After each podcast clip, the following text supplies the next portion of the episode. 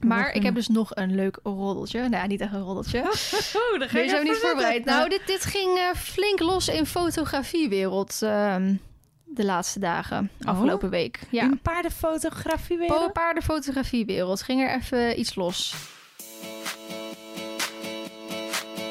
Hoi allemaal, super fijn dat jullie weer luisteren naar een nieuwe podcast. Samen met... Esmee! Het is voor ons de tweede die we vandaag opnemen. En eh, ik heb best wel veel zin in deze, want wij gaan een nieuw concept doen op de podcast. Ja. Yes. Voor jou eigenlijk niet, ja, nieuw op de podcast, maar oud concept van jou. Ja, precies. Ik zit namelijk een beetje te struggelen. Ik heb op YouTube al jarenlang eh, Hinneke het Paardenjournaal. Ja. Heel iets anders dan Hinneke de podcast. Ook Mhm. hebben ze wel dezelfde naam, maar op zich is het niet zo heel erg om er onderscheid in te maken. Ik heb dat vroeger met mijn D gedaan heel lang. Toen ben ik heel even weg geweest met eh, het journaal. En toen heb ik het in mijn eentje gedaan. Die video's werden minder bekeken dan de vlogs, maar nog steeds best wel prima bekeken. Wel gewoon dat ik denk, nou, dit is wel waard om het door te zetten. Mhm. Maar ik merkte de laatste tijd, ehm, ik wilde Hinneke Paardenjournaal één keer in de zoveel tijd doen. Op een gegeven moment had ik besloten één keer in de week. Maar ja, dat was één keer in de twee maanden. Of nu is het volgens mij alweer vier maanden geleden dat ik Ja. voor de laatste keer die, dat heb gedaan. En dan eh, verwateren de nieuwtjes natuurlijk ook weer een Mhm. beetje. Ik denk, ja, een beetje onzinnig om een nieuwtje van drie maanden geleden te gaan bespreken. Ja. Ik heb zeg maar zo'n groepsgesprek met mezelf, waar ik dus nu eens mee in heb toegevoegd. eh, Waar ik dan die nieuwtjes eh, naar linkte, zodat ik ze niet meer hoef te, te zoeken naar de hand. Dus dat ehm, zat ik een beetje mee, want ik kreeg ook wel wat vragen van, maar, nou, wanneer komt het journaal weer? En het ding is dat gewoon het best wel saai voor mij is om op te nemen. En het kost ook veel werk voor het editen. Mhm. Dus ik zat daar een beetje mee, wat moet ik daar nou gaan doen? Ehm, maar ik vond het wel leuk om al die nieuwtjes te bespreken. En Esmee en ik eh, deden natuurlijk best wel regelmatig tegenwoordig twee podcasts altijd opnemen. Ja. Omdat het gewoon handiger is. En ja, dan was het de tweede podcast altijd een beetje zo afgeraffeld werd het omdat we niet echt meer iets te vertellen hadden. Of dat we vlug naar huis moesten. Of hadden we een Q&A gedaan of zo. Maar ja, het is een beetje onzinnig om elke maand een Q&A te gaan doen. Ja. Dus toen had ik eh, voorgesteld. Dus ik had het eerst met Alike volgens mij besproken. Want ik zat heel veel in de auto met Alike eh, de laatste tijd. Voor die Mhm. eh, serie die opgenomen hebben. Heb ik het eerst met Alike besproken. En toen met Sjoerd besproken. En niet iedereen vindt het nog een goed idee, zeg maar. Maar ik voel me er zelf goed bij. En dat is natuurlijk het belangrijkste. Zeg je dat toch weer mooi? Precies. Dus ik had aan Esmee gevraagd of ze dat ook leuk vond. En ja, vond het wel een goed idee volgens mij, toch? Ja, let's go. Dus Wel een beetje een ander jasje hadden we be- Ja. bedacht, hè? Ja, precies. Want eh, in Hinneke uh, Paardenjournaal de video's behandelde ik eigenlijk zoveel mogelijk ehm, nieuwtjes. En dan ging ik er kort op in, zodat Mhm. het een beetje interessant bleef voor de kijker. Als je een beetje snel switcht tussen al die nieuwtjes. En in deze Hinneke de podcast, ja, Hinneke podcast journaal, weet nog niet zo goed hoe we het moeten Paardenjournaal, gaan noemen. Ehm, willen we een paar nieuwtjes eruit pakken en daar dieper op ingaan. En niet alleen wat nieuwtjes, maar ook wat, hoe noemde ik het nou net? Ongezouten meningen geven. Zo Ja, zijn gewoon het. wat, wat, wat, eh, wat dingen die, eh, die gebeuren in de paardenwereld, waar we het gewoon even dieper op ingaan en waar we ook onze mening over geven. Hè, dat kan aan de ene kant ongezout zijn, aan de andere kant, aan de andere kant proberen we het wel gewoon respectvol te houden. Dat vinden we wel belangrijk. Maar dat leek ons wel leuker om in de podcast te doen, dat je dan wat uitgebreider dieper op in kon gaan en dat we er samen over konden gaan brainstormen of Ja. discussiëren. Ja, Geen ruzie maken. Wij maken toch nooit ruzie? nee, dat is waar. Wij zeggen, waar- wanneer hebben wij een ruzie gemaakt? Weet ik niet. Hebben we wel eens ruzie we gemaakt? hebben nooit echt ruzie of zo gehad. wel eens discussies. Die Ja. gaan wel eens gewoon Ja, hard tegen hard. maar dat is ook prima. Dat moet ook dat kunnen, moet toch? ook kunnen, inderdaad. Ja, vind ik wel. Dat, is, dat vind ik wel relaxed bij ons. Dan doen we inderdaad even hard tegen hard en dan is het gewoon goed weer. Ja. Toch? Dan is het niet zo dat je nog wekenlang... eh Nee, anders had ik hier nu niet gezeten. Precies. hey, wij hebben wat nieuwtjes eh, verzameld voor jullie. ja. Ik pak ook mijn telefoon. Oh, Eh, telefoon de ene juicier dan de ander. we gaan er 1, 2, 3, 4 vandaag uitgebreid behandelen. Mhm. En ik, zullen we gelijk met de langste beginnen? Ja, doe dat maar, ja. De langste, eh, ik pak even het bericht van de hoefslag erbij. Daar had ik hem voorbij zien komen, maar ik had hem daarvoor ook al bij iemand anders gezien. Eh, dat is namelijk de blog van Jasmijn de Bruin. De Natuurlijk is beter bias, waarom natuurlijk paarden houden onzinnig is. En Jasmijn de Bruin zou een naam kunnen zijn die je niks zegt. Mij namelijk ook niet. Maar die doet het onder de naam The Conscious Equestrian, heet zij volgens mij. En dat is een ehm, Instagram-account. Die pak ik er ook gelijk even bij. Oh. De Con... Dat is een ontzettend moeilijk naam om te typen en uit te spreken. De Conscious Aggression heeft duizend volgers. Die is eh, CEO of Conscious Horsemanship, rider, trainer en instructor, Bitfit, bridal en bitless consultant, bladibladibladibla. En zij had dus een blog gepost. We gaan even naar haar... ehm, Ja. Ik heb hem er nu ook bij. Bij de hoefslag heb je hem net, Ja. toch? Ik ga nu naar haar eigen website dan en naar die blog toe dus.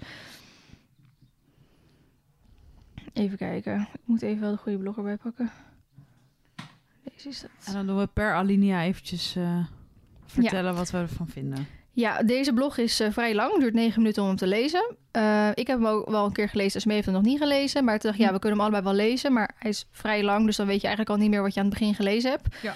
Ehm, dus we gaan hem gewoon voorlezen. En we willen per alinea eigenlijk de, onze mening erover geven. Of hoe we erover denken. En we, ik heb deze even uitgekozen. Omdat het een blogbericht is die best wel een beetje commotie heeft opgewekt Mhm. op verschillende vlakken.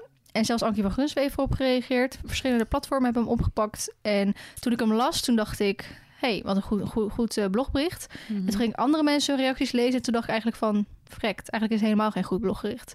blogbericht. Blablabla. Er zitten punten in waar ik het mee eens ben. Er zitten punten in die gewoon veel te zwart-wit worden gezien. Ja, oké. En daarom vond ik het wel interessant om een per alinea even te pakken... om, te, om het zo een beetje uit te pluizen. Oké. Ja? Ja, duidelijk. Oké, de natuurlijk is beter bias. Wat betekent bias eigenlijk? Ik ga het googlen. Bias, betekenis. Het begrip bias heeft twee verschillende betekenissen. Eén, vertekening in een steekproef. Verte- oh, dus vooringe- vooringenomenheid, geneigdheid. Dus gewoon een vertekening. De, na- de, de natuurlijk, is, beter. vertekening. Ja, precies. Want ze, iedereen zegt dus natuurlijk is beter, maar natuurlijk is dus helemaal niet beter in haar bericht. Optiek. Ja. Waarom natuurlijk paardenhuiden dus onzinnig is. Ah, dat is echt kut, want we hebben net geluncht. En dan heb ik altijd een beetje dat ik boertjes moet laten. En zo, als ik veel moet praten. en dat mijn stem dus een beetje... Hoe denk ik? Oké. Al jaren is het de trend... Natuurlijk paardenhouden en natural horsemanship. In deze trend worden allerlei praktijken, trainingsmethodes en producten bestempeld als natuurlijk en daardoor dus goed voor het paard. De term natuurlijk kan door iedereen worden geclaimd om diensten of idealen aan de man te brengen. Bijvoorbeeld in discussies over paardenwelzijn. Daar zijn geen juridische richtlijnen voor. Dat natuurlijk horsemanship en paardenhouden een grote aantrekkingskracht heeft op veel paardenhouders houders mag duidelijk zijn. Het is een industrie op zich geworden. Maar wat betekent de term natuurlijk eigenlijk en waarom staren we er zo blind op? Nou, nog niks gek- geks hierin, hè? Nee. De natuur kent geen goed of kwaad. Wetenschapper en schrijver Harari beschrijft in zijn boek Sapiens dat er wat natuurlijk is, biologisch bepaald is. Nu is het zo dat biologisch gezien heel veel mogelijk is. En alles wat mogelijk is, is per definitie ook natuurlijk. Alleen dat wat tegen de natuurkundige wetten ingaat, is onnatuurlijk. Bijvoorbeeld van een paard verlangen dat hij door de geluidsbarrière heen springt of harder galoppeert dan de snelheid van het licht. Elke vorm van samenleving of samenwerking tussen verschillende diersoorten is dus per definitie natuurlijk. Hoe mooi, onwaarschijnlijk, vreed of bizar die soms kunnen zijn. Dieren die met elkaar in een symbiose leven, dat is natuurlijk. Dieren die op elkaar parasiteren of elkaar opeten, dat is ook natuurlijk. Er zijn etologen die beweren dat het houden van en rijden op paarden onnatuurlijk is en daarom onethisch. Die redenatie zegt meer over de menselijke verbeelding dan over de biologische werkelijkheid. Want de natuur zelf kent geen goed of kwaad, maar toch geven veel paardeneigenaren voorkeur aan producten, diensten, methodes of idealen die worden aangeprezen met de term natuurlijk. Jeetje, wat een mondvol is het allemaal. Ja. Zie kader. De natuurlijk is beter bias. In het domein van voedsel en medicijn is onderzoek gedaan over natuurlijkheid van de ingrediënten. Uit dit onderzoek blijkt dat mensen de voorkeur geven aan een natuurlijk medicijn, zelfs wanneer bewezen is dat de medicijn minder veilig en effectief kan zijn dan een synthetisch medicijn. Wetenschappers verklaren onze psychologische natuurlijk is beter bias omdat die aansluit bij onze gedachten over de evolutie. Onze voorouders waren in hoge mate afhankelijk van de natuur.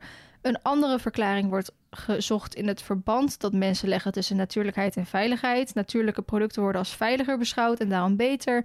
Om die reden zijn consumenten ook bereid om meer te betalen voor producten en diensten die als natuurlijk worden aangeprezen. Dit zou dus ook kunnen verklaren waarom paardenmensen die claimen dat hun ideale methode, producten of diensten natuurlijk zijn als geloofwaardiger, deskundiger en paardvriendelijker worden gezien. De vraag is of dat werkelijk zo is, of dat het gewoon een slimme psychologische slash marketingtruc is om zich te onderscheiden van de rest. De waarheid zal misschien in het midden liggen, maar het kan geen kwaad om niet alleen maar af te gaan op de term natuurlijk en kritisch te blijven of de professional het product of dienst daadwerkelijk doet wat het belooft. Weer mondvol van. eh, weer waar ik mondvol. meteen aan moet denken is bijvoorbeeld paracetamol. Dat is ook niet natuurlijk, maar als Nee. het helpt dan neem ik gewoon paracetamol hoor. Ja, precies. Dan ga ik niet op zoek naar iets natuurlijks. Maar Nee. dat komt ook misschien wel. Ik ben niet zo'n. eh, ja, ik werk natuurlijk voor Pippa en dat is allemaal heel erg. ehm, Ja, duurzaam en, duurzaam natuurlijke- en natuurlijk, een natuurlijke producten en dat Ja. soort dingen. Dus daar krijg ik wel veel van mee. Maar in het dagelijks leven probeer ik wel een beetje op te letten. Maar ben ik niet zo'n Nee. natuurgoeroe of zo. Nee, precies. En ik vond ook wel weer inderdaad wat ze zei dat. ehm, dat net zoals dat, dat dieren elkaar eten, bijvoorbeeld in de natuur. Ja, dat, wordt dat wordt vaak als zielig gezien, maar dat is Nee, ook maar dat natuurlijk. is natuur. Anders dat moet kan je ook- het is leven of gegeten worden. Precies, en dat is natuurlijk, hè, om even een hot topic aan te kaarten, zoiets als de Oostvaardersplassen. Dat is aan de ene kant natuurlijk, maar aan de andere kant ook totaal niet, want er staat een hek omheen. Dus anders waren die paarden gewoon weer naar een ander gebied doorgegaan Klopt, om, eh, om dat te doen. Dus dat, eh, oké, dat is deel 1. Wij zijn ook onderdeel van de natuur. Dierethicus Willem Vermaat stelt dat paardensport primitief is. We hebben het paard niet meer nodig in de landbouw, dus hij mag vertrekken uit onze maatschappij. Onder het mom van dit, dat dit beter is voor de diersoort, het paard zelf. Daarbij gaat hij aan twee zaken voorbij. Aan de ongelooflijke belangrijke rol die het paard heeft gespeeld in de ontwikkeling van onze menselijke beschaving. En hoe het paard door de verschillende tijdperken heen met ons is meegeëvolueerd. En hoe hard wij hem nog steeds nodig hebben. Want het paard heeft dagelijks aan het leven van miljoenen mensen zingeving en betekenis. Het paard leert ons over communicatie, leiderschap, verantwoordelijkheid. Het paard leert ons dat we onderdeel zijn van een groter geheel. Wij zijn ook onderdeel van de natuur. De stelling dat de relatie tussen paard en men onethisch is, paard en mens onethisch is, dat is pas onnatuurlijk. Want daarmee stel je impliciet dat de mens geen diersoort is en dat wij boven de natuur staan. Hoe kunnen wij ons inleven in andere levende wezens waarmee we onze planeet delen als we er nooit mee in contact komen? Het partnerschap tussen paard en mens is allerminst primitief. Het paard is juist weer aan aangewezen partner om de volgende stap in onze ontwikkeling als mens te maken.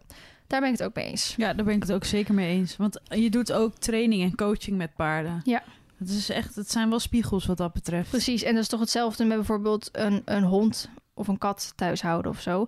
Ja, Vroeger dan moet dat ook allemaal niet meer kunnen. Nee, dan moet dat ook allemaal niet meer kunnen eigenlijk. Volgens mij is die gast er ook ongeveer mee eens. Maar ik denk zeker dat de mens eh, de dieren nodig heeft om eh, Mhm. ook er zelf beter van te worden. Ja, dat denk ik ook. Oké, volgende stukje is de natuur is vreed. Ten tweede gaat hij voorbij aan het feit dat een leven in het wild helemaal niet zo aardig is als het lijkt. Veel dierenactivisten, etologen en hardcore natural paardeigenaren romantiseren een leven in het wild ten opzichte van het leven van gedomesticeerde paarden en de meer traditionele paardenhouderij. Vaak geïllustreerd met beelden van wilde paarden in de goede, rijke seizoenen die zich te goed doen aan allerlei kruiden en lief spelen met hun soortgenoten. Maar als de tijden moeilijk zijn, is het misschien wel een van de vreedste bestaansvormen om te doorstaan. Waar hardcore natural paardeneigenaren hun creatief aangelegde paddock aanplanten met kruiden en eetbare planten in een poging om een natuurlijke leefomgeving na te bootsen, sterven wilde paarden van tijd tot tijd gewoon aan verhongering en vergiftiging. Waar zij hun paarden een mineralenbuffet voortzetten, sterft er in droogperiodes van de populatie wilde brumbies in Australië zo'n 70% aan uitdroging. Hier organiseren paardeneigenaren afscheidsceremonies voor hun paard, waarbij kuddeleden afscheid kunnen nemen van hun overleden maatje, terwijl er in Australië gevallen zijn gedocumenteerd van cannibalisme, waarin de uitgemergelde wilde paarden het vlees aten van de karkassen van dode paarden. Waar wij onze paarden in de zomer beschermen tegen insecten en giftige planten, worden de koningpaarden in de Oostvaardersplassen geteisterd door de grote klis. Eindeloze discussies worden er gevoerd over de leeftijd van het afspenen, groeischijven en trainen van jonge paarden. Terwijl heel veel jonge paarden uit de wilde kuddes, mustangs in Canada en Amerika hun eerste jaar niet eens overleven vanwege aanvallen van beren, coyotes, wolven en puma's. Ik moet hier eigenlijk een beetje om lachen. Ik vind het echt een beetje... Dit is gewoon... eh, probeer er... Ik, ja, hoe zeg je dat ook weer? Ehm, dit is koeien met, eh, met kippen vergelijken. Hoe zeggen ze dat? Pe- peren met appels vergelijken, Ja, appels met peren vergelijken. Dank je. Dat vind ik hiervan. Ja, Hoezo vergelijk je ons in Nederland met de wilde kudde Mustangs in Canada? ja. Dat ja. helemaal nergens op. Het is inderdaad, het is een beetje van, eh, omdat eh, kinderen in Afrika honger hebben, mag jij niet zeggen dat je honger hebt. Ja, ja, precies Ja, dat. Dat is het eigenlijk. Dus aan de Ja. ene kant heeft ze gelijk, maar aan de dus andere kant... jij hebt trek. Ja. Nee, ik heb honger. Nee, echt. Ik word heel vervelend van honger hebben. We worden gewoon hangry dan.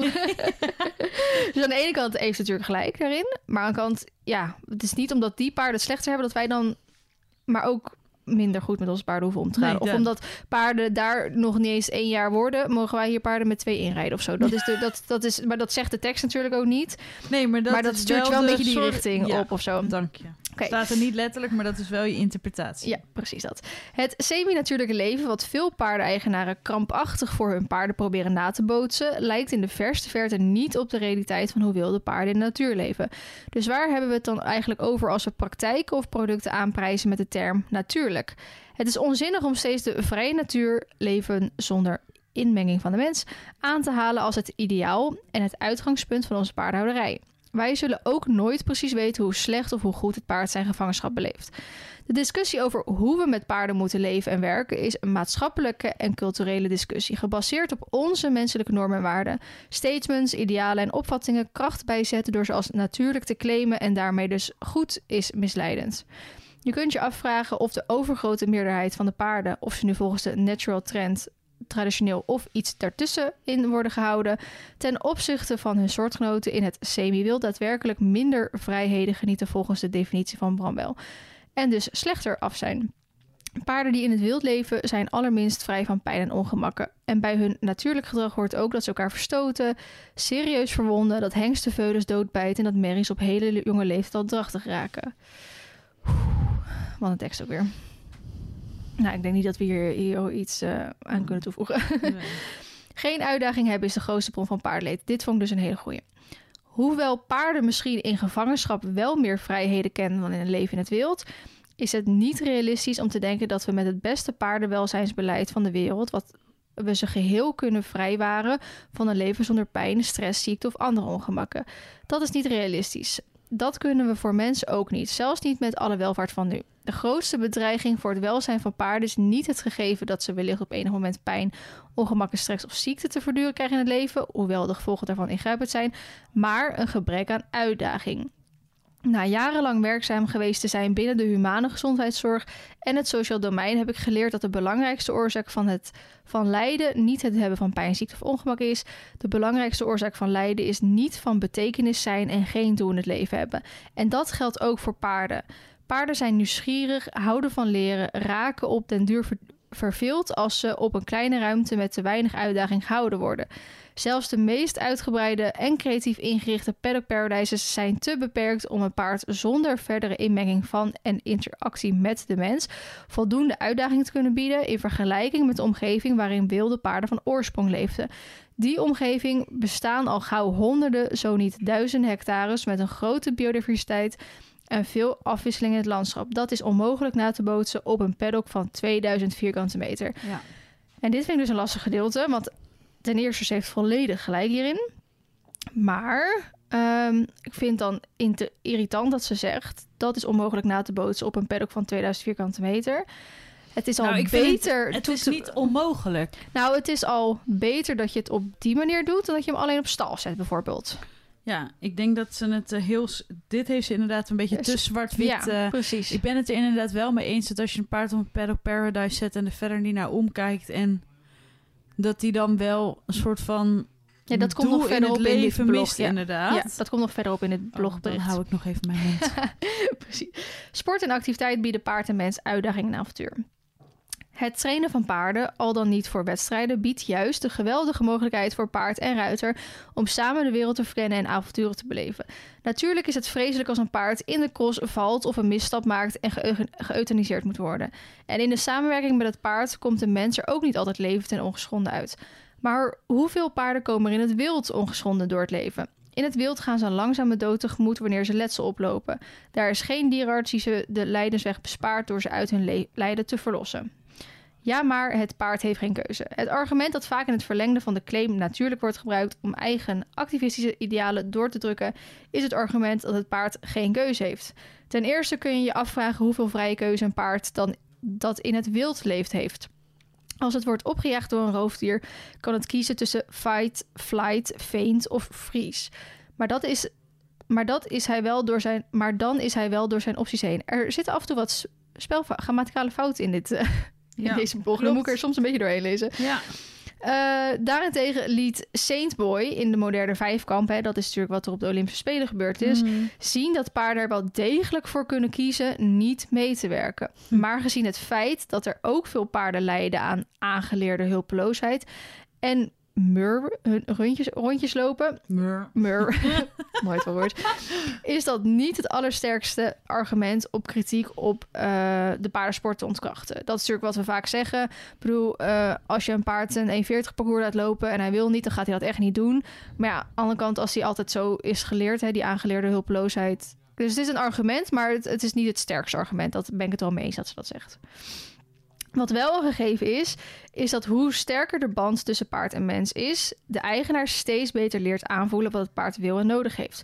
Dat wanneer hij staat te rillen bij het hek, hij graag naar binnen wil. Dat bepaalde gezichtsuitdrukkingen duiden op dat hij pijn heeft. Dat wanneer de sprankeltjes in zijn ogen verdwenen zijn, dat hij het niet naar zijn zin heeft. Of dat er misschien de tijd is gekomen om afscheid te nemen. Veel ruiters zullen kunnen beamen dat zij aan hun paard merken dat ze het leuk vinden om op buitenrit of op concours te gaan. De oortjes gaan naar voren en dat zijn ze opgewekt en attent. Hoe ze na een activiteit tevreden op stal vinden wij aan hun hooi gaan knabbelen of lekker lang uit even gaan bijkomen. Door de ontwikkeling van die band wordt de keuzevrijheid van het paard ineens wel groter. En kunnen ze naast hun primaire reacties op bedreigingen ook kiezen voor samenwerking, aandacht, verzorging, steun, bescherming en vriendschap. Een veelgehoorde ervaring van wedstrijdruiters is dat hun gepensioneerde wedstrijdpaarden boos worden als zij niet mee de vrachtwagen op mogen als de andere paarden van stal op wedstrijd gaan. Veel paarden kwijnen weg als de dagelijkse routine van verzorging, training, wedstrijden of andere activiteiten wegvallen. Ik denk dat dat ook wel klopt. Ja, paarden zijn autisten. ja. Ja, dat Ja, het, is het zijn gewoon routinedieren. Ja, Ja. dus als dat in één keer niet meer mag, ja, als jij mij een dag geen eten geeft, ook toch ook zagrijnig. ja, maar dat is toch hetzelfde met bijvoorbeeld eh, ook mensen die heel hun leven hard gewerkt hebben en dan in één keer niks meer gaan ja, doen. die worden er ook echt. gaan ze sne- sneller van. achteruit dan als ze nog gewoon een beetje Ja. iets gaan doen. Het is jammer dat door een aantal excessen in de sport het sporten met paarden onder vuur ligt. Want juist sport en competitie kan zowel ruiter en paard dat stukje uitdaging bieden. Een doel om naartoe te werken. Waar ook aan voorbij wordt gegaan in deze discussie is dat er een hele grote groep paarden lijdt in stilte. Deze paarden staan niet in de spotlight van de wedstrijdring onder het kritische oog van het grote publiek en vallen niet onder de reglementen die hun welzijn moeten waarborgen. Deze vaak oude, zieke of afgedankte paarden worden verzameld op stukjes grond, al dan niet omgetoverd tot paddock paradises. Onder het mom natuurlijk, maar in de praktijk vaak goedkoper en minder arbeidsintensief dan locaties met meer faciliteiten. Zij hebben misschien niet altijd direct pijn of stress, maar leiden wel een uitzichtloos bestaan zonder enige uitdaging. Omdat hun eigenaren niets meer met ze ondernemen. Omdat ze denken dat ze voldoende hebben aan de paddock en een paar soortgenoten. En zichzelf geruststellen met de gedachte dat zij met hun semi-natuurlijke omgang en aanpak, producten en methoden het goed doen. Toen ik dit stuk las, toen dacht ik echt, meid, hier sla je toch echt de plank volledig mis. Ik vind het wel gewaagd hoor, om dit zo Ja. te zetten. Ik ben het ehm, met er eens, maar dit is een klein percentage van hoe het gebeurt. En het doet nu overkomen alsof het op elke paddock paradise zo gebeurt. Mhm. En dat vind ik inderdaad gewoon zwart-wit. Ik vind bijvoorbeeld dat paardenkamp in Soest. Vind ik heel mooi dat dat er is. Ja. Dat je daar je oudere paard naartoe kan brengen om te genieten van zijn laatste dag. Ja. Ja, ik, maar het, het... Kijk, e- even, even een stukje ontleden. Ehm, even kijken. Terug naar een... eh, dat stukje waar, eh, waar ook aan voorbij wordt gegaan in, in deze discussie... is dat er een hele grote groep paarden leidt in stilte. Deze paarden staan niet in de spotlight van de wedstrijdring... onder het kritisch oog van het grote publiek en van bla bla. Daar heeft ze heel erg gelijk in. Mhm. Eh, er zijn heel veel recreatiestallen, paarden aan huis, handelstallen... die niet in het die niet aan hè, daglicht komen inderdaad. Die dus Mhm. niet eh, door de wedstrijd... eh, dat wordt natuurlijk door nieuwsberichten et cetera in aan het licht gebracht. Maar die paarden het echt slecht hebben. Ja, klopt. Waar ze... Kijk, bijvoorbeeld een sportpaard komt meestal, hopelijk toch echt wel, die wordt ehm, hopelijk vaak wel ook eh, dat hij los mag hè, in de wei of in de paddock. Nou, dat is soms wel, soms niet. Maar die wordt dan wel vaak twee keer aan de hand eh, gestapt per dag. Die ik komt hopen, in ja. de molen, die wordt getraind. Niet het leven wat ik voor mijn paard zou willen, maar die komt er meestal nog wel een paar keer per dag uit. Mhm. Er zijn ook stallen op handel, of paarden op handelstallen. En maar ook nog steeds maneges en zo. Maneges, ik ben er ge- geweest nog een paar maanden geleden ergens. Dat het gewoon het paard gewoon niet buiten komt. En als die dag, de dag niet getraind wordt, komt hij niet buiten. En ze hebben grond. Maar nee, ze zijn bang dat het paard eh, gek doet. En dan, een, eh, ja, het is een handelspaard, dus die moet weer verkocht worden. Ja. En dan is ze bang dat hij een blessure krijgt en dan kan hij niet meer verkocht worden. En hetzelfde inderdaad geldt voor eh, maneges en ook niet alle maneges. Hetzelfde geldt voor... Ik ben ook op een stal geweest waar de paarden in de winter op een postzegel staan op een verhard stukje zonder ruwvoer. Want dat mag niet van de staleigenaar gevoerd worden. Maar ze staan gewoon van 9 tot 5 zonder ruwvoer. Maar ze komen wel buiten, hè? Ze komen wel buiten. Ja, maar wel op een postzegel van Ja. 4 bij 4 meter of Wat zo. even groot als een stal is zonder Precies. voer. En kijk, als het nou met voer is, is het al beter. Maar de bedoeling is dat het paard kan lopen Ja. dat het kan bewegen. Dat is ook goed weer voor die vertering. Maar hè, oh, is niet nodig vertering, want ze eten toch niet. nee, maar even serieus, het gebeurt veel. En misschien nog wel meer dan dat Dan dat we, sportpaarden ja, en ook dat wij denken hoor. denk Precies, ik. absoluut. Ehm, dus dat is absoluut een, een, eh, iets wat gaande is wat we niet zien. Mhm. Even kijken. Deze vaak oude, zieke of afgedankte paarden worden verzameld op stukjes grond, al dan niet omgetoverd tot paddock paradise. Dus Ja, dat onder vind ik ook weer zo ja. Neerslachtig. Ja. Zo van, nou ja, iedereen maakt tegenwoordig een paddock paradise. Ja. Want dat is natuurlijk. Ja. Kijk, het is inderdaad ehm, waar jij de discussie al over wilde beginnen, maar volgens mij komt hij er ook nog steeds aan.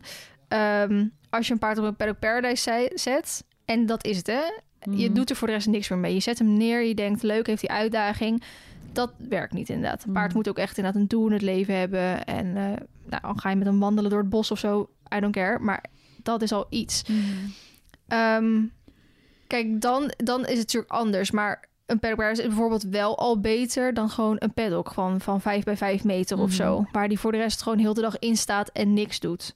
Op dat gebied is een paddock paradise wel beter omdat ze gewoon rondlopen Mhm. en veel meer beweging kunnen halen. En dan Ja. sluit het wel meer aan bij die natuurlijke behoeftes, want dan moeten paarden eh, Zoeken naar een eten. Zoeken naar een eten. Zo, ja. weer- lopen voor het water, lopen voor beschutting, weet je wel. Ja. Dus dat op dat gebied wel. Ehm, even kijken, zij hebben misschien niet altijd direct pijn of stress, maar leiden wel een uitzichtloos bestaan zonder enige uitdaging, omdat Ja. hun eigenaren niets meer met ze ondernemen. Dan denk ik, wat wil je dan? Wil je ze dan allemaal euthaniseren? ja, Ja, je bent nu de sport uit, hup, spuit erin. ja, precies. Dat kan toch ook niet? Nee. Even kijken hoor, omdat ze denken dat ze voldoende hebben aan de paddock en een paar soortgenoten. Nou, dat is dus inderdaad niet zo, maar daarom wordt wordt zo zwart-wit gezegd. Mhm. En zichzelf geruststellen met de gedachte dat zij met hun semi-natuurlijke omgeving en aanpak producten mede het goed doen. Ik denk niet dat het het goed doen is, maar het wel beter doen. Mhm. Dat is het. Oké, volgende. Horsemanship in de 21ste eeuw. Wanneer wij paarden houden, zullen we na moeten denken over hoe we paarden zo goed mogelijk kunnen ondersteunen in hun leven in de 21ste eeuw. De impact van de mens op de omgeving is onomkeerbaar en een vrij leven in het wild zonder invloed van de mens is niet meer mogelijk. We moeten nadenken hoe we naast hun natuurlijke biologische behoeftes zodat stukje uitdaging kunnen bieden waardoor ook zij kunnen floreren. Net als bij mensen zal per paard ook verschillen waar de grens ligt tussen de te veel en te weinig uitdaging afhankelijk van hun karakter, potentie en natuurlijke aanleg die zij door eeuwen van menselijke selectie in de paardfokkerij hebben meegekregen. Daarom is er geen one size fits all en vraagt iedere situatie weer opnieuw om maatwerk. Een sensibel sportpaard dat net een heel weekend op concours is geweest, kan wellicht heel erg genieten en lekker tot rust komen van een aantal uur op stal. Terwijl een jong paard wat nog niet bereden wordt, een veel uitdagende omgeving nodig heeft om zich niet te vervelen. Dat vind ik ook wel weer een interessant stukje, daar ben ik het ook zeker mee eens. Ehm, het, het stukje, ik ben ook hè, niet tegen op stal staan of zo. Mhm. Ik weet sowieso dat eh, veel paarden die bijvoorbeeld heel hun leven op stal gestaan hebben, een deel daarvan knapt zeker op als ze bijvoorbeeld 24-7 of meer naar buiten gaan. Maar een deel daarvan is gewoon zo gewend aan die routine dat ze daar gewoon niet goed op gaan. Mhm. Ehm, ik weet ook bijvoorbeeld hè, een tijd geleden, volgens mij nu niet echt meer, was die, eh, die man actief dat die s'nachts dan eh, paarden ging mishandelen, weet je wel? Mhm. Paarden ging snijden en dat soort dingen. Denk ja, dan snap ik echt wel goed dat je je paard niet meer s'nachts buiten Ja. durft te zet- zetten. En dat inderdaad van terwijl een jong paard wat nog niet bereden is, een veel uitdagende omgeving nodig heeft. Om zich niet te vervelen. Dat merk ik met Ax bijvoorbeeld. Met Ja. Suske en. Ax. Suske is oud en een soort van semi met pensioen. Ax is jong. En ze vervelen zich allebei nog steeds hier op de Paddock Paradise. Nu heb ik natuurlijk echt alleen nog een paddock en een trek en verschillende voerpunten. Ik heb eigenlijk nog vrij weinig aan variatie of spelletjes of wat dan ook. Maar zowel Suske als Ax verveelt zich en Marley niet.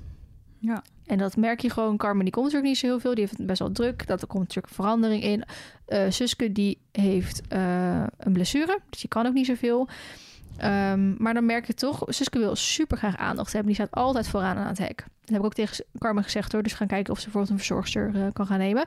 En Ax is natuurlijk heel jong. En je merkt, Ax wil eigenlijk meer aan, aan het werk.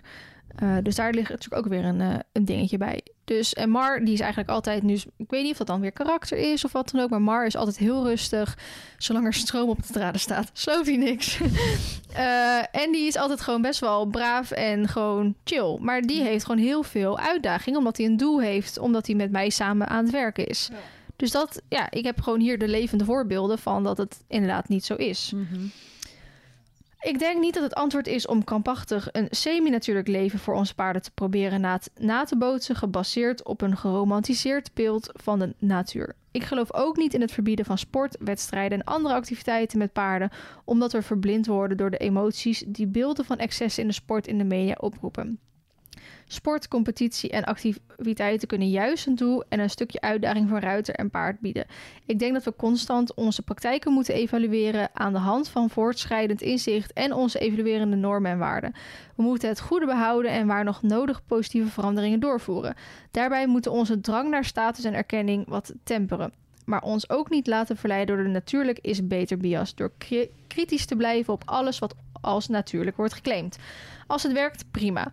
Maar als je paard na maanden van natuurlijk bekappen nog steeds kreupel is, toen dacht ik echt van, zou dit over mij gaan?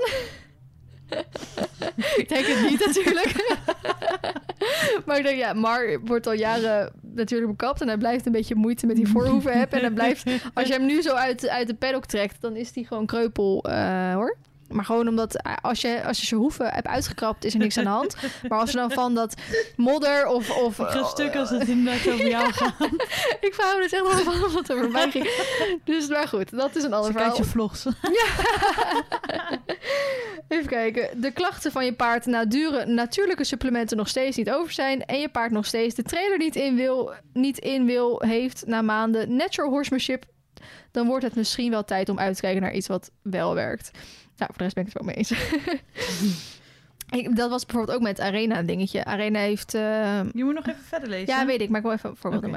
Eh, Arena heeft natuurlijk eh 14 jaar van haar leven op uh, Stal Roosendaal gestaan. Mhm. En haar volle zus Benfica, die was de kuddeleider. In die groep stonden natuurlijk alleen Mary samen. En Benfica was echt een pittige kuddeleider. Maar Arena was natuurlijk haar lieve zusje. Dus Arena, die lifte mee op het kuddeleider zijn. Maar heeft nooit zelf iets hoeven doen. Toen werd Arena natuurlijk verkocht. En is naar Paddock Paradise gegaan. En uh, Astrid en ik waren echt zoiets van... Oh, wat leuk voor Arena, weet je wel? Mhm. Maar die ging daar helemaal slecht op. Ze hadden zeg maar minder voerstations dan paarden. Omdat ze dan van die hele grote voerstations hadden. Maar Arena liet zich super makkelijk wegjagen. Want die, had nog, die heeft nooit geleerd om voor zichzelf op te komen. Eindstand is dat Arena niet ging eten. En dat ze in de inloopstal het stro is gaan eten. En koliek heeft gekregen. Dus uh, vervolgens hebben ze Arena gewoon weer s'nachts op stal gezet. Zodat ze weer gewoon kon eten. En kon bijkomen. Ik weet dat dit is al maanden geleden hoor, dus ik weet niet hoe het nu is. Maar dat is wel een typisch gevalletje van het is niet voor elk paard mogelijk. Ja. En het is maatwerk inderdaad. Mhm. Um, je kunt je misschien daarbij... Ja, je kunt je misschien laten verleiden door een mooi verhaal, maar een paard liegt nooit. Het zou mooi zijn als we over twintig jaar terug kunnen kijken en trots kunnen zien op hoe ons partnerschap met het paard zich heeft geëvolueerd. Van voedsel tot een mooie symbiose tussen twee diersoorten die elkaars leven zin en betekenis geven en die met elkaar de uitdaging aangaan van het leven, een steeds, van het leven een steeds veranderende wereld. En dan quote van Charles Darwin: Het is niet de sterkste van de soort die overleeft, noch de meest intelligente.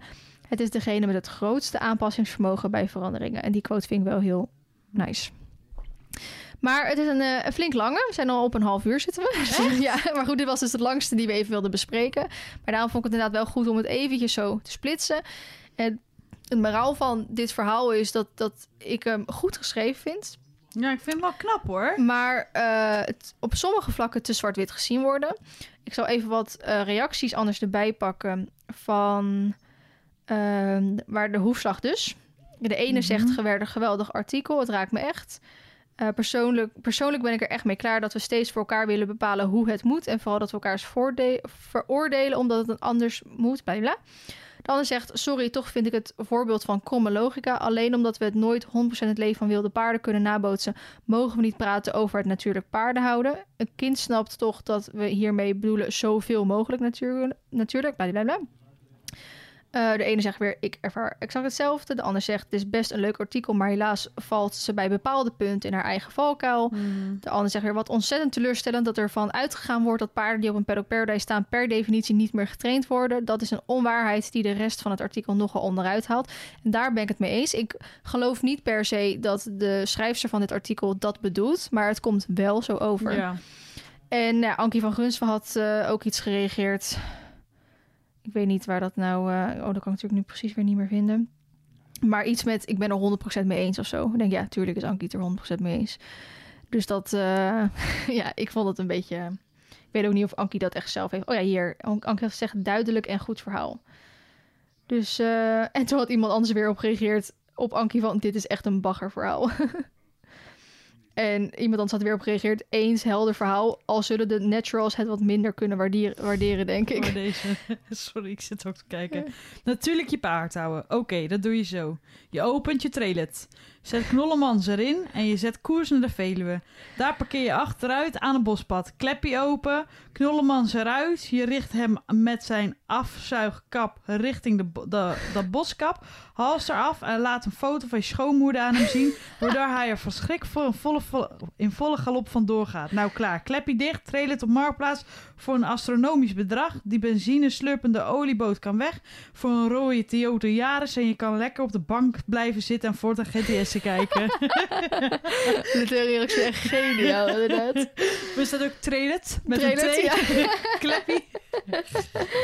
Oh, het is heerlijk, inderdaad. Maar het, weet je wat ik gewoon vooral zo jammer vind hieraan? Is dat het ehm, een discussie vormt. Logisch, Ja. want wij zijn ook nu een soort van in discussie hierover.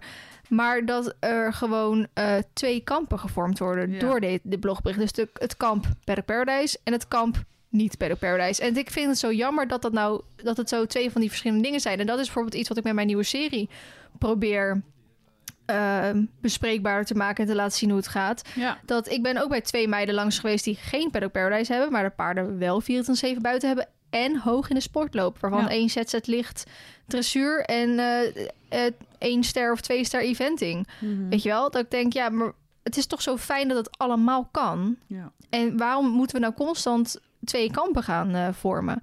En dat is een beetje hetzelfde bij de bit, zie ik hem ook heel veel regelmatig terugkomen.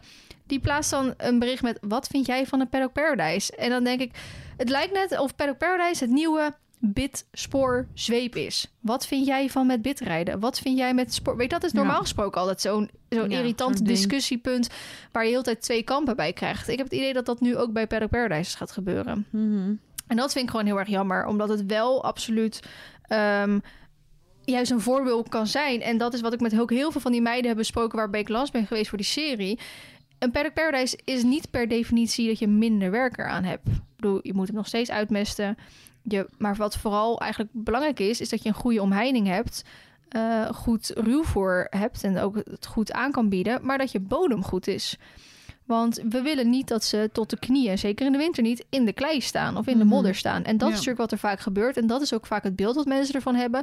Je moet gewoon investeren in je grond. Dus in plaats van dat, wij in- dat jij investeert in stallen of zo, want stallen kosten ook duizenden euro's, betaal jij duizenden euro's om je grond te, draineren of om te keren. Of, er, of het eh, zo eh, af te laten lopen dat er naar een centraal punt het water toestroomt. En daar maak je een watertje of zo, weet je wel? Mhm. Dat is meer het ding waar het vaak fout gaat. Dat mensen denken, oh, dan eh, doen we even met prikpaaltjes en draad... zetten we een pad uit en dan hebben we een Ja. Paddock Paradise... en dat is beter voor onze Hey, paarden. Paddock Paradise. Ja, en dan staat hij dus 100. wel in de winter staat hij met zijn knieën in de klei. Nou, dan, dan snap ik dat een paard liever op stal staat. Ja. Dan Ja. snap ik het. Dus dat is gewoon, nou goed, dat is dus de discussie die ik graag wilde bespreken. Volgende onderwerp. Yes. Welke nemen we? Zullen we even een juicy one doen? Oké. Hoefijzer. Fenna. Fenna van Hoefwijzer. Die had een story geplaatst. Ja, een En tijdje volgens geleden mij, ik wou zeggen, een aantal weken terug Ja. al. Ja.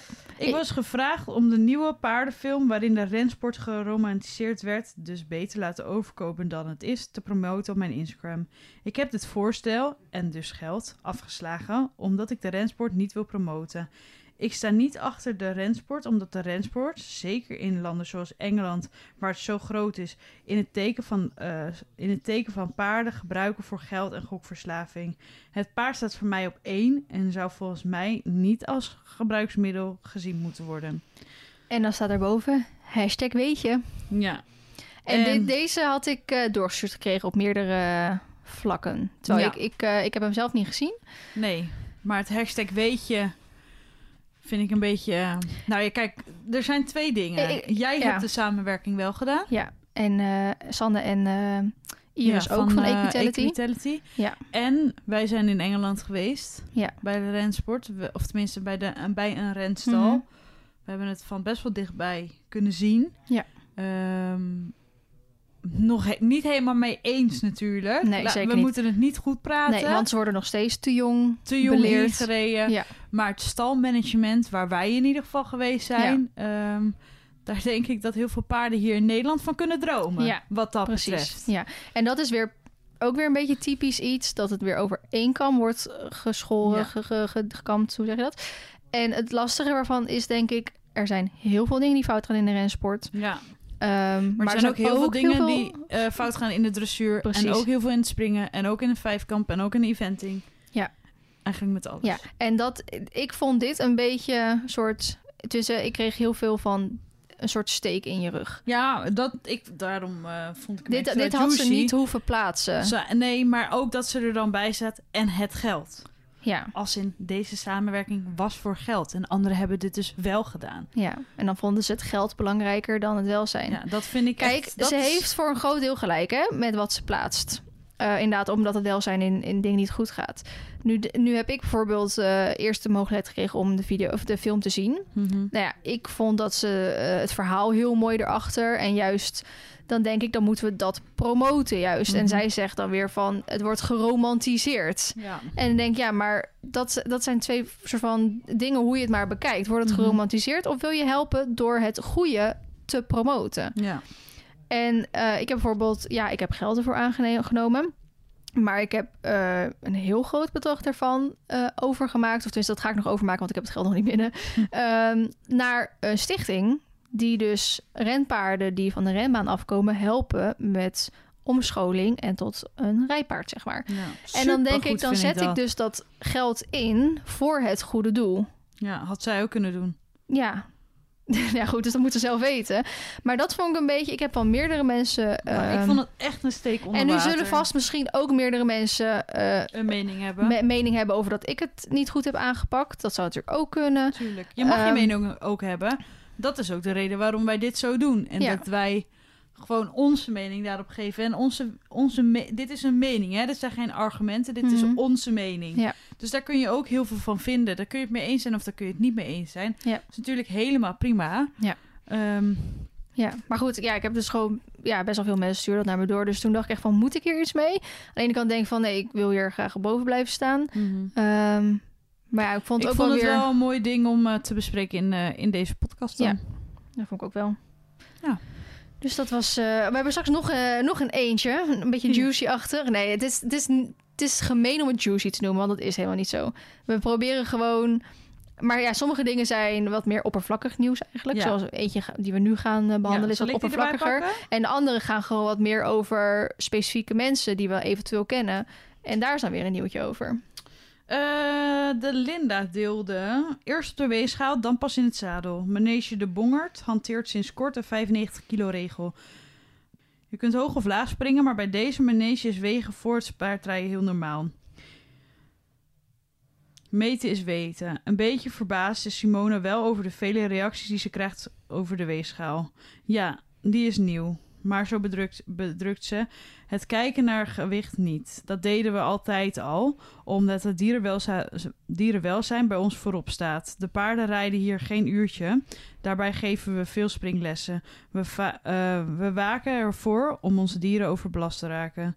De grens ligt vooral volgens Simone en de KNS ehm, rond de 95 kilo. Dat is het gewicht dat een paard gemiddeld zou kunnen dragen. Zo'n 17,5% van het eigen lichaamsgewicht plus zadel.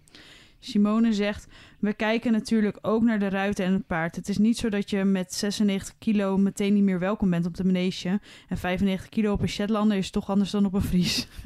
Coronakilo's. De coronakilo's geven aanleiding om de ruiters nu te wegen. Die paar kilo kunnen net het verschil maken. Met 75 kilo kun je nog net een damespaard. Met 80 kilo moet je wel echt een grote type kijken.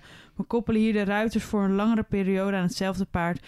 We, wa- wat vroeger matchte, hoeft nu niet meer het geval te zijn. Al kijken we natuurlijk ook naar de ervaring. Iemand die net begint en nog een hobbelzak op een paard zit, is zwaarder dan een ervaren ruiter met een paar kilo meer.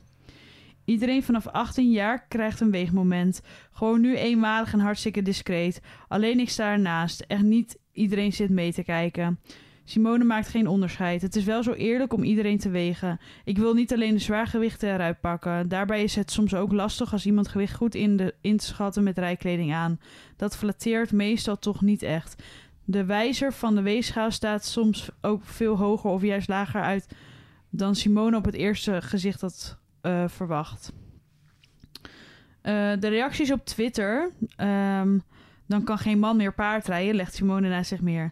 Het is echt niet zo dat volwassen man minimaal 95 kilo weegt. Bovendien kijken we ook naar de ervaring en de lengte van zo'n man. De meeste ruiters van de manege hebben hier eh, hebben alle begrip. Er waren een paar die even moesten slikken, maar de mensen die nu iets te zwaar zijn eh, om te rijden, probeer ik zo goed mogelijk te begeleiden met afvallen. En dan hup, terug het zadel in. Ja, mega goed. Kan niet anders zeggen. Ik vind zelfs 95 kilo nog vrij hoog.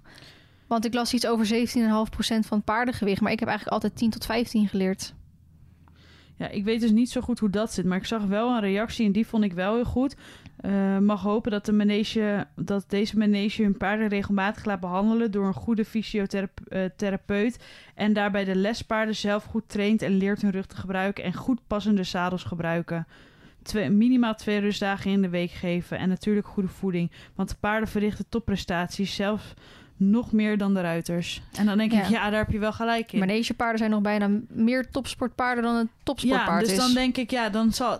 Ja, ik ben het er zeker mee eens. Vind het een goede, een goede regel. Maar Mhm. dan moet de rest van het management Ja. ook gewoon goed zijn. Want Want anders ja. heeft dit helemaal geen nut. Als je een lichtpersoon op een slecht passend zadel laat eh, rijden, dan en heeft als het ook het geen paard zin. dan eh, de basis gewoon niet beheerst en niet. eh, Onderhals heeft en rug wegduwt, dan heeft ook niet zoveel zin. Daarom. Dus dan Nee. dacht ik, ja, dit, ja, ik vind die reactie wel heel passend. Vond ik wel een goede. Ja. ja. Maar wat ik dan me altijd een beetje afvraag...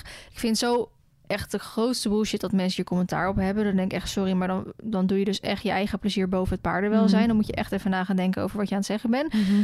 Maar dan denk ik altijd van, maar waarom zijn er dus bijvoorbeeld... waar we het in de vorige podcast over gehad hebben... niet lessen in werk aan de hand? Ja. Dan kan je dus zelf het paard wel al begeleiden... door zijn lichaam goed te gebruiken. Je leert Ja. er zelf superveel van. En het is nog best zwaar, want je moet fucking veel lopen. Werkt gelijk Ja. mee aan het, aan het afvallen. Of bijvoorbeeld het mennen. Waarom ga je niet menlessen doen of zo? ja. Daar, daar kan je het paard eh, kan je makkelijk overgewicht hebben. Dan eh, moet je niet achter een Shetlander zitten, maar wel Nee. gewoon. Denk je, dan kan je nog steeds met paarden bezig zijn. Ja. En dan denk ik weer van. Moet het altijd paardrijden zijn? Als je dan te zwaar bent ga dan, en je wil graag met paarden omgaan, ga dan lekker mennen, ga dan lekker werken aan de hand of zo. ja, vind ik wel een goede. Ja, dat, dat zijn ook nog opties als Ja. je te zwaar bent. Je hoeft niet gelijk eh, dat soort Nee. dingen te doen. Nee, en koppel er anders een sportschool aan vast. Ja, nou, ik vond het wel goed dat ze zei dat zij eh, ook eh, begeleiding deed Ja. in het afvallen. Maar dan denk ik, dan vind ik eigenlijk ook dat je die begeleiding moet laten doen door iemand die daar geschoold voor is. Ja, nou, manege en sportschool één zou supergoed zijn. Zeker Ja, dat je, dat, je ja, misschien denk ik wel. iemand een ruiterfitheid of Ja. zo erbij. Ja. Ik denk dat je daar wel heel veel mee kan scoren. Ja. Ja, absoluut. Dus dat was een hele goede inderdaad. Ik heb trouwens, want we hebben nu nog van één nieuwtje op de planning, maar ik wil eigenlijk heel graag nog eentje bespreken. Oké, het volgende nieuwtje wat we gaan bespreken gaat om onze geliefde Christy Snapvangers. My girl. Nee, love haar. Ehm Christy eh, zit natuurlijk in een hele lastige situatie. Zij ehm, heeft aan de ene kant eh, heeft best wel veel paarden onder de kont en ehm, daar haalt ze daar hele mooie resultaten mee. Aan de andere kant heeft ze ook al twee keer flink pech gehad. Hè? Mhm. Bijvoorbeeld eh, een paar jaar geleden op het EK dat ze viel met Diesel, Mhm. haar toppaard. En dat Diesel daarna ook eh, om een andere reden geblesseerd eh, werd. En eigenlijk nog steeds... nog steeds geblesseerd ook, ja, toch? die staat tussen de jonkies gewoon lekker op de wei. En nu heeft ze dus met Ted, vlak voordat het EK met Ted ging starten... Gelukkig had ze twee paarden. Ze is met Galante gestart, maar Galante had nog wat minder ervaring dan Ted. Is wel foutloos uit de kost Ja, gekomen, superknap. super knap. Maar vlak daarvoor Ted ook eh, naar de kliniek, ehm, de blessure. En ik weet, niet, ik weet het heeft niet volgens van. mij hetzelfde als eh Ja. Dat denk ik ook. Het is niet hetzelfde als in, had iets met zijn knie. Ja, maar dit inspuiten wat dan mis is gegaan. Ja, iets of iets met de medicijnen ging die slecht op. Ik weet het fijner er niet van. Maar ik heb ook een beetje het idee dat hetzelfde met Olympus gebeurd is. Dat ze Ja. dus dat hij ergens last van had. Dat er dus bij Olympus dus met inspuiten bacteriën mee is gekomen. Ik heb wel ook iets bij Christy gelezen dat er een bacterie Ja. meekwam. En dat het daardoor slechter ging. Want ik, je zag ook dat hij aan het infuus zat. Ja. Nou was bij Olympus natuurlijk ook zo van... Als je... hè, die had die bacterie in zijn knie gekregen. Dat was heel lastig. Dus eigenlijk was dat al geen zin. Ehm, omdat een knie zoveel kamertjes heeft. En je moet als er een, een bacterie in een knie zit, moet je het gaan spoelen. Je moet gaan spoelen, spoelen, spoelen tot die Mhm. bacterie eruit is eigenlijk. Maar een knie is heel complex. Er zitten heel veel van die kleine kamertjes in. Dus je moet waarschijnlijk gewoon iets van vijf, zes, zeven keer spoelen. Wil je dat eruit hebben. Dat is een heel Mhm. zwaar en heel lastig traject. Nu weet ik niet waar Ted precies volgens mij met zijn hoef of Ja, iets, iets heeft. Dus misschien zeker. is dat makkelijker. Dat het misschien maar 1, 2, 3 keer of zo gespoeld hoeft te worden. Ik weet dat allemaal niet. Ehm, maar het is wel gebeurd. Dus inderdaad, ik had een beetje het idee van... oh, dat is een beetje hetzelfde Mhm. gebeurd. En ik heb toen de beslissing moeten maken van... nee, dan laten we hem gaan. Mhm. En Christy is doorgegaan. Wat ik kan begrijpen, want dit is ja, een soort van de eerste blessure die Ted had. Ik was natuurlijk al twee jaar lang bezig. Eh, dit is haar, echt haar topsportpaard. En je hoopt natuurlijk ook dat, we, dat hij ooit wel weer op niveau terugkomt. Ik weet niet of dat kan nu deze complicaties zijn opgetreden.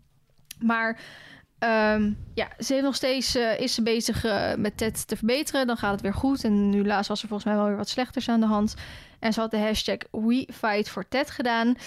Eh, maar een paar dagen geleden kwam een berichtje, lieve allemaal. Ik heb er lang over nagedacht, maar ben deze steunactie toch begonnen. Voor het verdere traject waren de kosten echt al zo hoog opgelopen, maar ik wil nog niet opgeven voor Ted. Ik dacht, het is tijd om in actie te komen, want onze carrière is nog niet voorbij. Elke bijdrage zou helpen, vecht jij mee voor Ted. Nou, dan heeft ze dus die steunactie in haar eh, bio staan, dus daar gaan we eventjes naartoe. En ehm, het streefbedrag is 17.500 euro. Dat is echt Toen ik dat zag staan, dacht ik, intens holy fucking shit. Ik ben natuurlijk bij Ol heb ik ook nou, 15.000 euro zo kwijt geweest, maar dat was uitgesmeerd over twee jaar. Mhm. En dit is gewoon even in een paar weken tijd gewoon dit bedrag aan kosten. Dat is echt niet normaal. Ehm, nu snap ik volledig, ik bedoel, het is haar topsportpaard, ze is haar beste vriend, dat ze, dat ze, dat ze wil dat hij beter wordt. Mhm. Eh, ik heb al eens vaker mijn mening gegeven over eh, inzamelacties. Ik heb namelijk ook heel vaak gehad dat mensen tegen mij zeiden: waarom ga je dat niet doen? En zei ik: nee, dat doe ik gewoon niet, want dan vind ik Mhm. niet. Ik wil niet andere mensen om geld vragen. Mhm. Jij hebt daar ook wel een paar keer je mening volgens mij over gegeven. Mhm. En Christy doet dat wel. En aan de ene kant denk ik, joh, lekker doen. Als, als mensen willen doneren, moeten ze dat vooral lekker doen. Aan de andere kant zijn er natuurlijk ook wat negatieve berichten opgekomen. Ja. Uh, persoonlijk had ik het dus niet gedaan, omdat Mhm. wat ik zei, ik vind niet dat ik andere mensen om geld moet vragen. Dat is mijn keuze om Olympus te kopen met een risico, om al die, om die behandeltrajecten te doen, weet ik het wat allemaal. Ik wil hem graag beter hebben, maar dan wil ik niet andere mensen opzadelen met mijn keuzes. Daarbij denk ik ook van, ik verdien meer dan de gemiddelde Nederlander, of in ieder geval gemiddeld Ja, persoon van dat, mijn Dat vind ik wel een ding, van ja. mijn leeftijd. En dan Ja. ga ik mensen geld vragen om mijn paard te behandelen of zo. Ja. En dat is soms ook een beetje lastig vind. Dus er was inderdaad ook een... eh, ik wil even een paar reacties voorlezen. Dat, dan mag je zelf je mening vormen hoe je dat precies wil doen. Iemand had gereageerd. eh, er is iets onethisch aan het vragen van geld aan minderjarige meisjes die tegen je opkijken. Ik leef met je mee, hoop dat Ted hier goed uitkomt, maar besef hoe bevoorrecht jij bent tegenover degene aan wie je geld vraagt. Beterschap voor Ted. Ja, iemand Dat vind ik wel echt een hele goede reactie. ja, toen had iemand anders gereageerd. Ik begrijp je tot op zekere hoogte, maar mijn dochter is een van die minderjarige meisjes. Ze leeft zo mee en zal heel verdrietig zijn als Ted het niet redt. Door, haar, door hier aan mee te doen, heeft zij ook het gevoel dat ze ook heeft meegeholpen. Zelf zou ik ook wat overmaken. Ik hoop dat alles goed komt met Ted. En toen had die ander weer, weer gereageerd. Ik snap het, het is ook verdrietig, maar door zo op het gevoel in te spelen van meisjes die naar haar ehm, lifehacker die naar haar opkijken. Want ze is gewoon een voorbeeld voor velen, terecht ook. Terwijl ze toch echt wel heel bevoorrecht is en de middelen in de familie wel aanwezig zijn. Uh, dat maakt het wel dubieus om het op deze manier te doen. Door bijvoorbeeld haar gewonde rosette te verkopen of iets dergelijks, houdt een fan als je dochter er zelf ook iets aan over. Ja. Dat is al heel anders dan minder bevoorrechte kinderen om geld te vragen. Daar reageert Jan er weer op. Ik snap waar je op doet, maar zie het ook als de verantwoordelijkheid van de ouder om hierin te sturen. Een kind wordt in de speelgoedwinkel op alle mogelijke manieren verleid om zoveel mogelijk speelgoed leuk te vinden. En helaas moeten ze dan ook wel eens teleurgesteld worden. Geld kan één keer uitgegeven worden en, vervolgens, en, en volgens mij leert een kind meer van de euro's die ze aan een ander gegeven heeft om te helpen. Qua verkoop als tegenprestatie denk ik dat organisatorisch daar nu geen tijd voor is. Um, aan beide kanten is wat te zeggen natuurlijk. Als, die moeder, als, als zo'n kind graag wil dat uh, Ted blijft leven, dat ze op die manier kan meehelpen in, in het blijven leven, of in ieder geval de behandelingen. En het, de ouder is daar ook mee eens, dan is daar natuurlijk echt helemaal niks mis mee. Mm uh, wat dan die ene meid zegt over. Um, terwijl ze toch echt wel heel bevoorrecht is en de middelen in de familie wel aanwezig zijn, vind ik gewaagd om te zeggen, want je weet niet wat de financiële uh, status, status, is. In, in een Nee. familie is. Eh, Ik bedoel, haar vader, eh, ze, ja, hè, haar opa fokt natuurlijk paarden. Haar vader heeft een eigen koeienboerderij. Dus samen, haar ouders hebben dat samen. Boeren zijn niet rijk. Dat is per definitie eh, ongeveer volgens mij al, eh, al waar. Dat het Mhm. geld eh, gaat gelijk weer terug in, in het bedrijf. En het levert vaak nog minder op. En ze leven eerder van de subsidies en zo. Ehm, nou ja, hoe, hoe, eh, hoe rijk opa is, dat durf ik natuurlijk ook echt niet eh, te zeggen. Mhm. Daar ga ik ook absoluut geen uitspraken over doen. Uh, maar wat, waar ik dan wel goed vond, eh, vond, dat ze bijvoorbeeld zei... door bijvoorbeeld haar gewonde rosette te verkopen... Ja. of iets degelijk houdt de fan er nog iets aan over. Zij zegt dan weer van qua verkoop als tegenprestatie... denk ik nu dat er organisatorisch daar nu geen tijd voor is. Denk, ja, ze heeft ook de webshop lopen, dus dat maakt ook niet voor uit. Ik heb ook wel eens, ik weet niet meer pre- precies bij wie... maar die had ook hoge kosten. Volgens mij Equitality toen aan eh, Roos, volgens mij... omdat hij natuurlijk eh, geïnsemineerd werd... en toen allemaal moeite mee had. Die had ook hoge kosten. Die ging volgens mij eh, op een gegeven moment dingen verkopen inderdaad. En dan krijg je dus iets er weer voor, voor terug. Dus er is een, een hoop van te zeggen. Ja, ik, wat ik nogmaals, ik weet hun financiële situatie niet. Mhm. Ehm, als ik gewoon even als buitenstaander kijk, ik ken Christine natuurlijk wel een beetje, maar ik weet absoluut niks van hun financiële situatie. Mhm. Dan denk ik, jullie hebben al zoveel paarden, verkopen dan één of twee. Dan heb je het geld ook eh, bij elkaar, zeg maar. Maar goed, zijn opa's paarden natuurlijk. Opa Ja. wil dat misschien niet, of die ziet dat niet zitten. Of misschien denkt ze, joh, het, het geld, eh, waar, waar houdt het een keer op? Hè? Dat is natuurlijk ook een vraag die je Mhm. kan stellen. Super lastige situatie. Ehm, maar ik hoop, de, uitkomst moet natuurlijk zijn dat Ted hopelijk eh, beter wordt. Ja, beter wordt. Ja. ja dat zou ik Maar ik heb dus nog een leuk roddeltje. Nou, niet echt een roddeltje. Oh, daar ga we niet voorbereid. Nou, dit, dit ging eh, flink los in fotografiewereld ehm, de laatste dagen, Oh? afgelopen week. Ja, In paardenfotografie weer? Po- paardenfotografiewereld ging er even iets los. Eh, die was onder vuur, laat ik het zo eerder zeggen. Ken je Emma van Emma en Marelle? Ja. Leuke meid, maakt hartstikke mooie foto's. Wij hebben ook weer een fotoshoot gedaan. Eh, zij doet tegenwoordig best wel veel met eh Frisian eh Thijs of Ja. zoiets. Mike of zo heet Ja. zij. Ik ken haar niet. Zij doen heel veel rails natuurlijk tegenwoordig. Mhm. En ze groeien allebei heel hard. Hè? Veel volgers krijgen ze Ja. erbij. Die Frisian Maaike Die heeft meid, toch ook al onder vuur gelegen? die hè? heeft al een keer onder vuur gelegen. Die heeft al een keer haar account willen verwijderen... omdat ze zoveel beschul- Sorry. omdat ze zoveel- beschuldigd werd... van dat zij nepvolgers kocht. Ja. Dat ik ten eerste denk, waar de fuck maakt iedereen zich druk over? Zelfs al was het waar.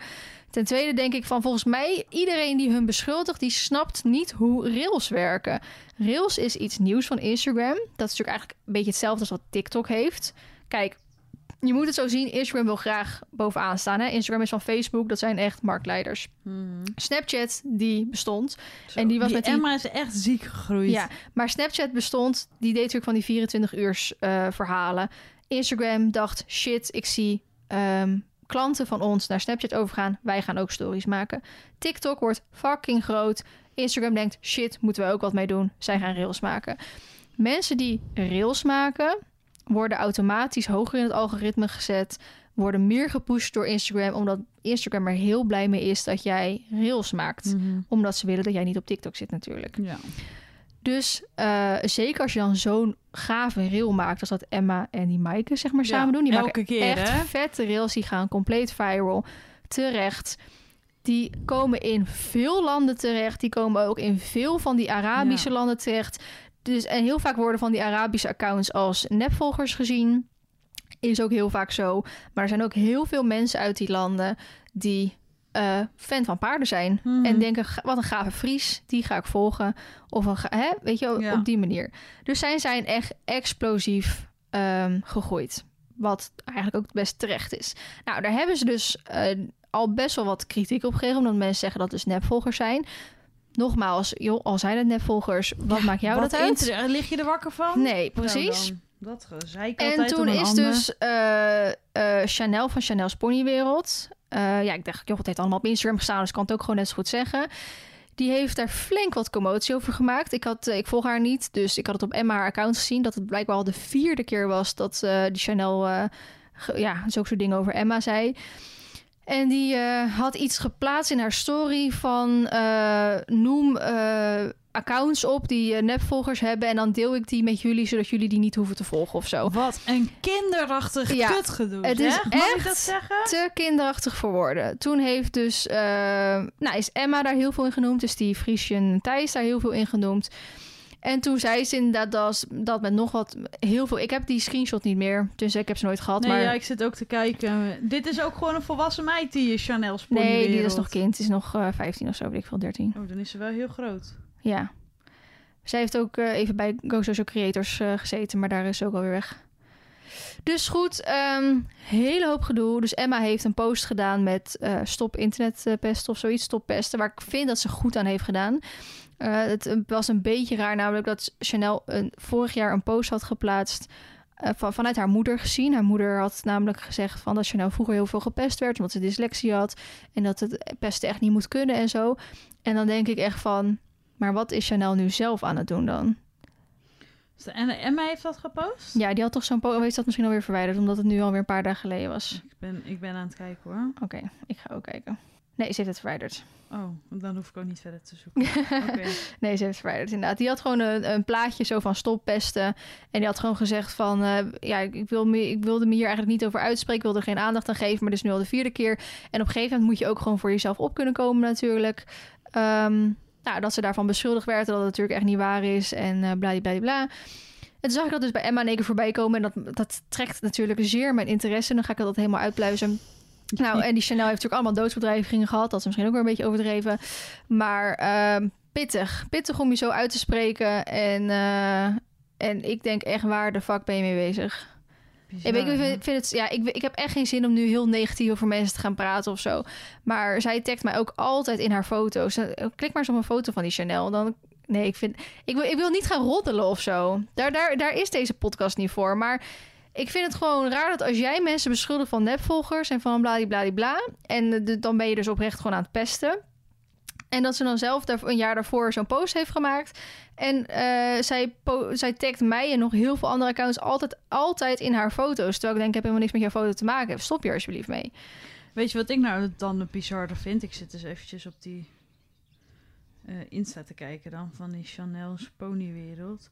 Ze heeft 30k volgers, hè? Mm -hmm. En ze haalt dan net aan 2000 likes op een foto. Ja, dat is ook niet heel veel. Dat is ook niet veel. nee. hey, 900, 911. Ja, maar zij doet wel heel veel van die... Um, echt extreem veel van die... Uh, hoe noemde je dat nou? God, die, uh, die giveaway dingen in zo'n groep, oh, weet je wel? Vreselijk. Ja, ik vind het ook verschrikkelijk. Ja, daar tekst me ook, zij niet, maar daar word ik ook vaak in getagd. Denk ik, hou je bek, ik ga je verwijderen. Ik vind het zo ja, irritant. Die uh, par gain parties, gain parties, zo heet dat. Ja, waarom doe je ik dat? Het, je als je op die manier hebben precies. die jou interessant vinden. Precies, en niet omdat ze kans maken. Ik, maar ik doe ook winacties met, met, met uh, bedrijven, absoluut. Maar dat zijn samenwerkingen waar ik dan ook uh, het product zelf mag proberen. Een product waar ik achter sta. Een product die ze ook op Instagram of YouTube of zo voorbij zien komen. En dan maak, maak ik, in omdat ik altijd veel producten krijg, kan ik ook weer andere mensen gelukkig maken mm. met die producten. Maar een gain party, omdat je dan weer al die mensen die met z'n allen aan die game party moet meedoen, ja. zodat iedereen weer, weer volgers liken. krijgt. Ach, bah, bah, dat bah. vind ik echt Stop verschrikkelijk. Dat als je op die manier volgers wil krijgen, nou dan, dan gaat je. Dan, dan, Kun je ze beter kopen. ja. Ja, je makkelijk. dat gezeik. ja, klopt Ja, dat is toch, bij, dat is toch één pot nat? Ja. ja, eigenlijk wel. Eigenlijk wel, inderdaad, op die manier. Je koopt dan toch ook een soort van? Ja. Goeie Esmee, goeie. Ja, dank je. Hier sluiten we mee af. Precies. Nou, ik ben heel erg benieuwd wat jullie van eh, deze Ja. vinden. Het is... Aan de ene kant proberen we jullie voor nieuws te voorzien. Aan de andere kant geven we onze Beetje mening juicy. over. Beetje juicy. Eh, ik, ik doe wel alleen dingen bespreken die ook echt op online hebben gestaan. Dus ik Ja. weet genoeg dingen over heel veel mensen. Die houden we lekker voor onszelf. Die houden we lekker voor onszelf. Die, die heb ik via via of zelf ondervonden. Maar dat staat niet op internet. En nee, dat, dat doen we dus ook we niet. niet delen. Maar dat gaan we ook gewoon niet doen. Helaas voor jullie. Dus wel gewoon dingen die eigenlijk in theorie iedereen op Insta of Ja. YouTube of waar dan ook heeft kunnen zien. Yes. Eh, en die gaan wij eh, Blijven wij delen bespreken. Ja. Nou, laat ons weten wat jullie ervan vonden. En eh, wellicht tot de volgende keer. Yes. Doei. Doei!